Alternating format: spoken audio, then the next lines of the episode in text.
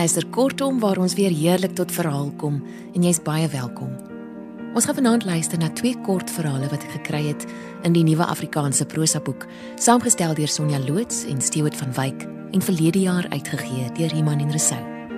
Die eerste een waarna ons gaan luister is deur Audrey Plinou en sy noem dit Sa Fatom. Ilanza Swart gaan dit vir ons lees.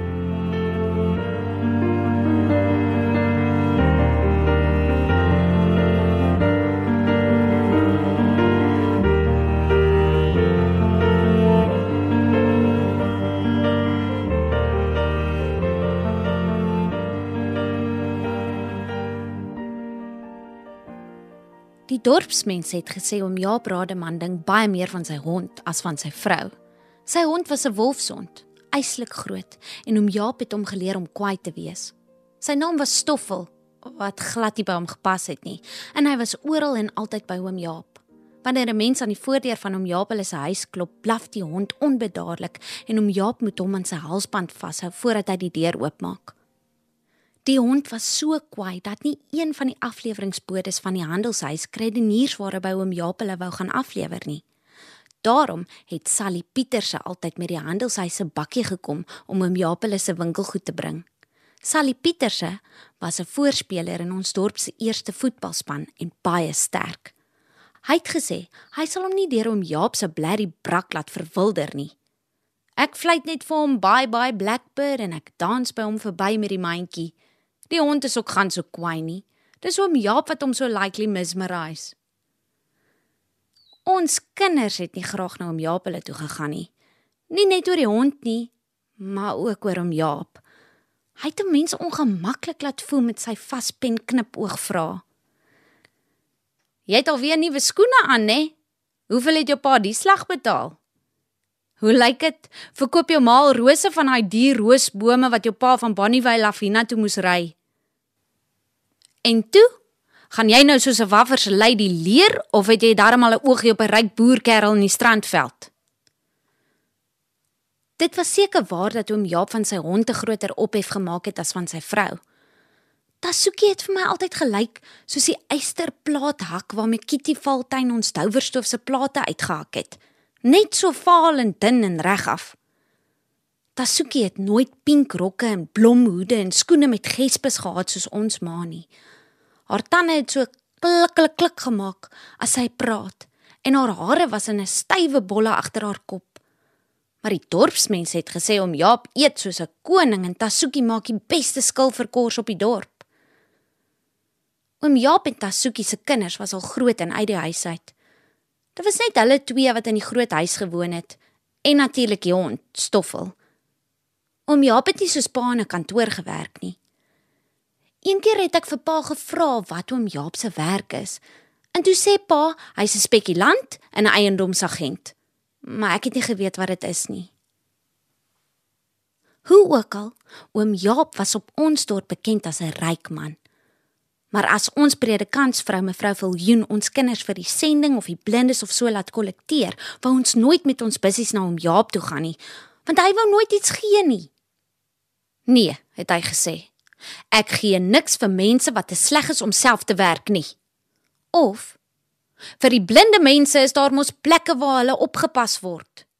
Nee, kyk, moenie by my kom bedel nie. Eendag kom pa by die huis en sê vir ma: "Ek hoor in die dorp dat Jaap Rademan siek is. Dokter Meiburg stuur hom Kaap toe dat 'n spesialis hom kan ondersoek." 'n Mens kon jou om Jaap glad nie siek voorstel nie. Hy was nog nooit eers een dag in die bed nie en nou sy siek.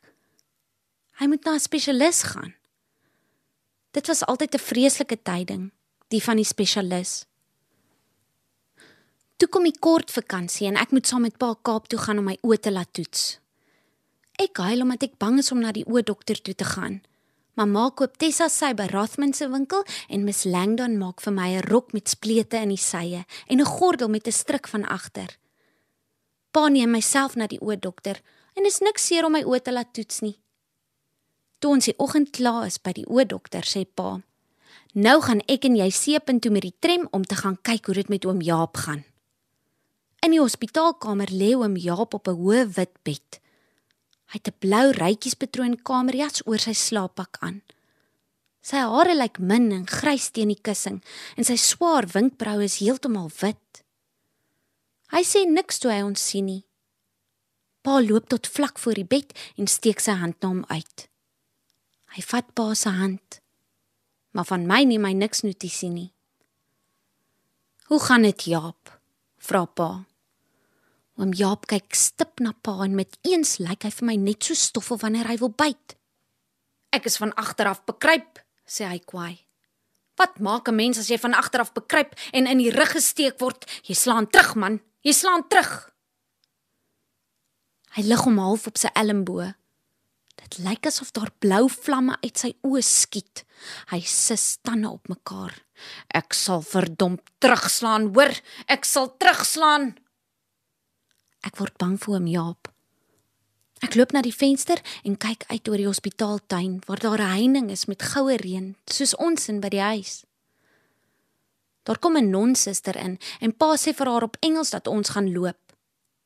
Kom groet vir hom Jaap sis, roep hy. Ek loop te sinnig tot by oom Jaap. Totsiens oom Jaap, sê ek. Hy kyk my aan asof hy my die eerste keer sien. O, totsiens, sê hy. Maar hy gee nie vir my hand nie. Ek en pa praat ook nie weer oor oom Jaap nie. Nie lank daarna nie, hoor ek pa vir ma sê dat oom Jaap weer terug is by die huis. Oom Jaap se grootman seun Stefan wat op Verliersdorp in die bank werk, kom na ons huis toe en gesels kopskuddend met pa. En pa gaan byna elke dag na die huis in Viljoenstraat. Een nag toe ek nie kan slaap nie, hoor ek hoe pa en ma in die eetkamer oor oom Jaap gesels. Nee wat? Ek dink jy moet vir Dominie vra om soontoe te gaan nie. Jaap sal Dominie net beledig en Dominie sal niks met hom uitvoer nie. Hy's 'n verbitterde mens en hy wil nie die dood aanvaar nie. Maar elke mens moet die dood aanvaar. As Christen kan jy tog nie anders nie. Jy moet vrede maak met God. Jy ken vir Jaap. Hy het nie behoefte aan vrede nie. Die volgende middag stuur ma my met 'n baksel botterbroodjies na Tasuki. Sê vir Tasuki, dis iets vir hulle aandete, hoor? Ek is te sinnig om te gaan, maar ek durf nie weier nie. Ek sit daar in my nuwe skilpad topbril op wat ek in die Kaap gekry het neem die mandjie met die servet bo-oor en loop straat op na hom Japele se huis. Toe ek by die Wessels se huis kom, dis die huis net langs om Japele, duins ek terug teen die blou blommetjies heining. Oom Jaap sit op die systoep van die huis op die stoepbank met die dwarshoutssparre. En sy hond lê voor hom.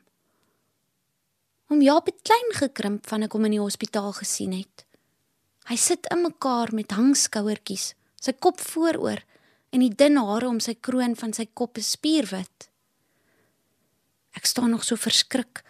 Toe hou die handelshuis se bakkie lawaaierig voor die huis stil en Sally Pieters se spring agter die stuurwiel uit. Middag sê, middag sê al die mense. Waai nou om Jaap op die stoep. Hy het 'n blou kort my hemp aan en sy goudgee hare staan in 'n hoë kuif op sy kop. Hy tel die mandjie met kruideniersware agter uit die bakkie en die spiere in sy boarms bult soos hy die mandjie dra. Hy loop met 'n vinnige wiegstap, amper asof hy met die mandjie dans, terwyl hy bye bye blackbird fluit. Oom Jaap staan op, buig oor sy hond en vat hom met albei hande aan sy halsband vas. Deur sy tande sis hy: "Sa, vat hom! Vat hom!" Die hond skiet van die stoep af en bestorm Sally. "Titsum! Titsum!" Het 'n Jaap hom aan. Sien jy swernoot, sien jy? skree Sally en hy los 'n rits hel toe gaan vloekwoorde. Priesend hap die hond na hom. Sally laat die mandjie val en die winkelgoed saai oor die tuinpaadjie. "Keer jou verdomde hond!" skree hy vir oom Jaap, maar Stoffel is op hom en slaan sy tande in sy been vas. Sally skop wild na die hond, gryp sy been met albei hande vas en vloek oom Jaap. "Dis 'n saak vir die polisie!" skree hy. Ek gaan jou aankla, Jaap Rademan. Ek gaan wragtig koort toe met jou. Mank, mank hink hy tussen die blikkies kos, die seep en die kersse deur na die bakkie. Oom Jaap staan op die stoep en hy lag. Hy lag hard, oop mond uit sy keel uit. Dit lyk asof die hond met sy wye oop bek saam met hom lag. Verskriklik lag en lag en lag. Oom Jaap gaan op die bank sit. Sy kop val vooroor en met sy arms om die hond geklem, begin hy huil. Oom Jaap huil dat sy skouers skud en sy hele lyf bewe.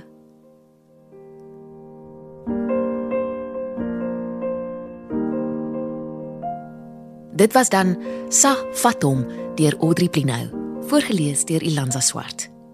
Die volgende verhaal waarna ons gaan luister is Die mannetjie deur Petra Miller. Geniet dit. Boetjan het die mannetjie gesteel en dit het heel nag op sy vensterbank gestaan.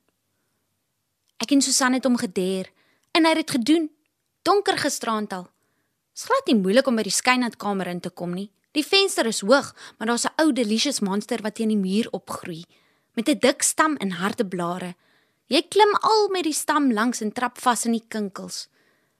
Ek en Susan sou dit ook kon gedoen het, maar ons kan nie die kas oopkry waarin meneer Hofmeyer die mannetjie hou nie. Dis een van die min goed in die skool wat regtig toegehou word.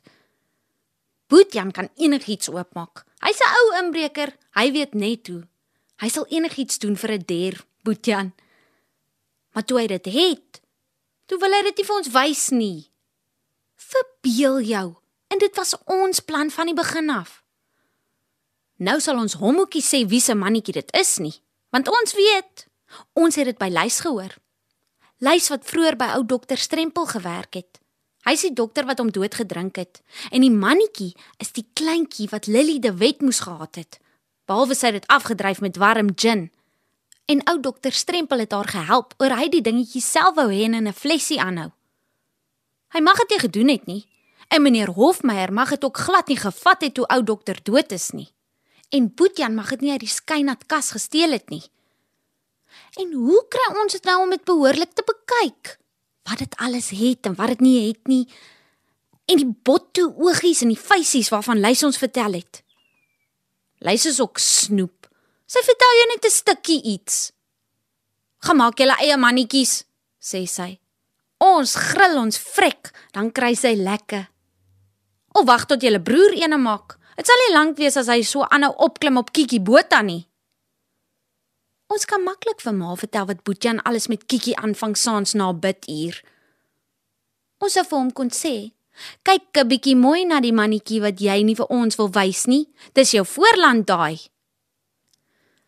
Maar ons het nooit so ver gekom nie, want toe ons voordag om die huis kruip om by sy buitevenster te kom. Hier kom Lys om die hoek met 'n spul haarnaalde in haar mond om die kop toe kan haar kruisies vas te kry. "En waarvandaan kom julle twee soos 'n hond op pad kwaad toe?"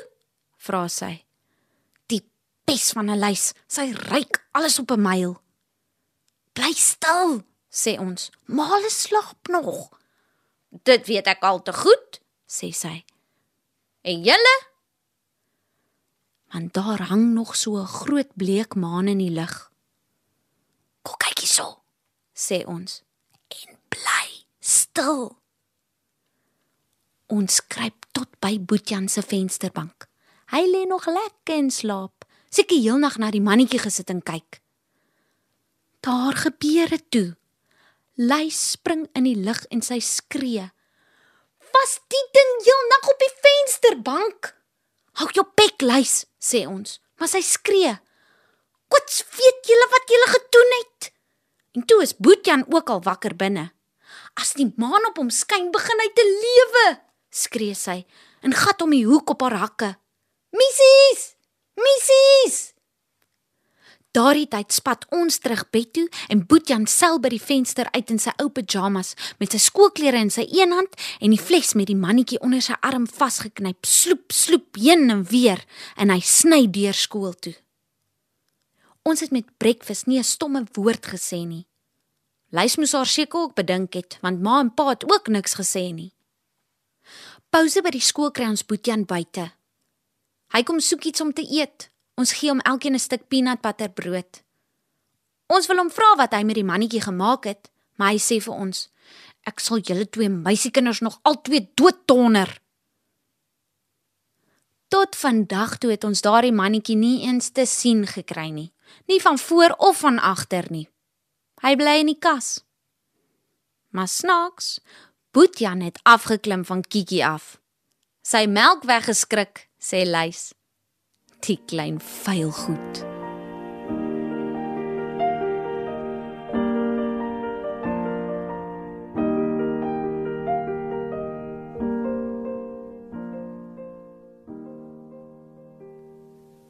En dit was dan Die mannetjie deur Petra Miller, voorgeles deur Ilanza Swart.